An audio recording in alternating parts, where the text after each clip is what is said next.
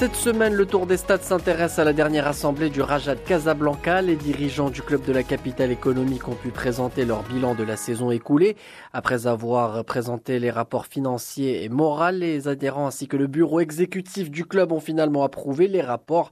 Jawed Ziyat, le président du Raja Casablanca, est notre invité de ce Tour des Stades. Il revient d'abord sur les principales conclusions de cette assemblée cette Assemblée générale a été marquée par euh, beaucoup de nouveautés. La première nouveauté, c'est que nous avons publié nos rapports moraux et financiers euh, dix jours avant sur le site. Ça a permis donc à la fois à nos adhérents, mais également à l'ensemble des fans du club et à la presse de disposer de l'ensemble des éléments dans un souci de transparence bien avant la tenue de cette Assemblée générale. Cette Assemblée générale qui a connu la présence de près de 120 euh, adhérents ainsi qu'une cinquantaine de journalistes, a été marqué par beaucoup de transparence, euh, également des échanges très très positifs, des échanges de points de vue très riches. Euh, nous, en tant que comité, nous acceptons la critique. Nous acceptons la critique à partir du moment où elle est constructive et elle va dans l'intérêt du club.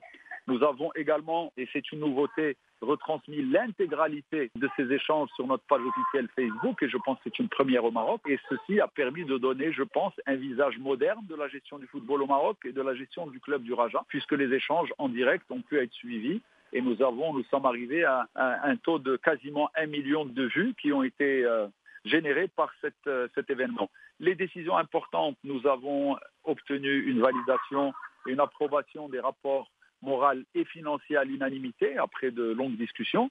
Nous avons également euh, abordé la question du rapport financier de la saison écoulée. cette saison écoulée était marquée par, disons, deux gestions. Une première gestion par l'ancien comité et puis une gestion pendant quatre mois par le comité provisoire présidé à l'époque par M. Hauzel et dont j'étais le président délégué. Euh, cette euh, partie gérée par le comité provisoire a été approuvée, les comptes ont été approuvés. Par contre, l'Assemblée générale a demandé qu'on revienne dans un délai de trois mois avec une euh, présentation un peu plus claire et si possible avec l'ancien président qui à l'époque dirigeait le club, que lui-même vienne présenter devant l'Assemblée générale ces chiffres-là. C'est ce que nous allons faire.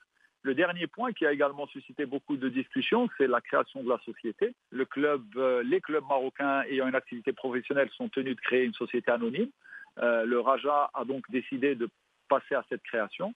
Il y avait une discussion sur la structure juridique de cette société. Devions-nous aller avec une société euh, avec un directoire et un conseil de surveillance ou une société, comme recommandé par le ministère de tutelle et la fédération, une société à conseil d'administration. Il a été décidé finalement d'aller avec une société à conseil d'administration et l'Assemblée générale a chargé le comité d'entreprendre l'ensemble des mesures et des marches nécessaires à la création de cette société. C'est ce que nous allons faire dans les prochaines semaines. Euh, Jawad en tant que dernière euh, question, le Raja qui va mieux depuis ce temps-là, le plus dur reste à faire et sur le terrain, les progrès sont également palpables avec des titres lors des dernières années. Il va falloir maintenant, l'objectif sur euh, les pelouses, c'est d'entretenir euh, justement ces belles performances pour aller de l'avant. En effet, ce comité provisoire suivi par le comité que je préside a accompli euh, de grandes avancées. Nous avons réduit quasiment l'endettement de moitié. Nous avons réglé 70% des litiges introduits au niveau de la FIFA contre le club. Nous avons réglé 50% des litiges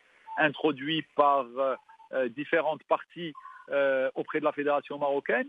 Nous avons réouvert le centre de formation, nous avons relancé l'école, nous avons euh, également obtenu des revenus records en termes de marketing. Nous avons également réussi à faire revenir le public dans le stade, ce public merveilleux qui accompagne le club à Casablanca, à l'extérieur de Casablanca, dans le stade marocain, mais également à l'étranger, a répondu présent. Euh, nous sommes arrivés cette année euh, et c'est une première, je pense, au Maroc, voire en Afrique, à avoir 13 000 abonnés, donc 13 000 personnes qui ont acheté leur carte. Tout ceci fait que les indicateurs sont au vert. Il est indispensable pour que le Raja règle définitivement son problème d'endettement et se mette direct, définitivement sur une posture stable, euh, équilibrée et offensive. Les, comme vous le dites, les résultats sportifs sont attendus. Ils doivent nous permettre, euh, Inch'Allah, cette année, euh, d'aller le plus loin possible au niveau de la Champions League. Le club n'a pas joué depuis 8 ans euh, dans les groupes en Champions League, nous y sommes. Ce challenge est, formidable. Euh, je pense que nous avons l'effectif, nous avons le staff technique qu'il faut pour aller de l'avant et euh, vraiment réaliser une deuxième saison consécutive de haut niveau.